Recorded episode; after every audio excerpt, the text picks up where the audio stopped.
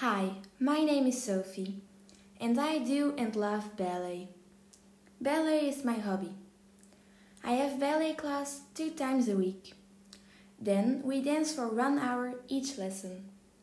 First, we start doing pliés and grand pliés. We also do tendus, and after that, rond de jambes. Here are some short videos of me doing these exercises. After all those dance exercises, my favorite part starts. Points.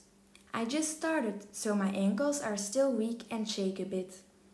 How more I practice, my ankles get stronger, but I can't force them. A lot of people feel pain after dancing on points. Fortunately, I don't. But my toenails do grow in my toe, so I like to keep them short.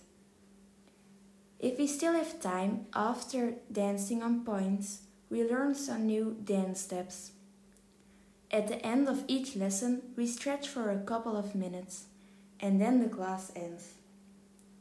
I really love to go to the classes because my best friend Luca goes to another school, so I only see her during ballet class. I really miss her.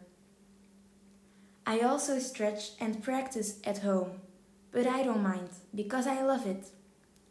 Every year we have a performance. Here are some pictures of last year.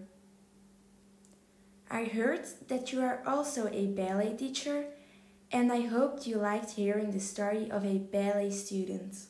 Bye. Now I'm gonna do some stretching.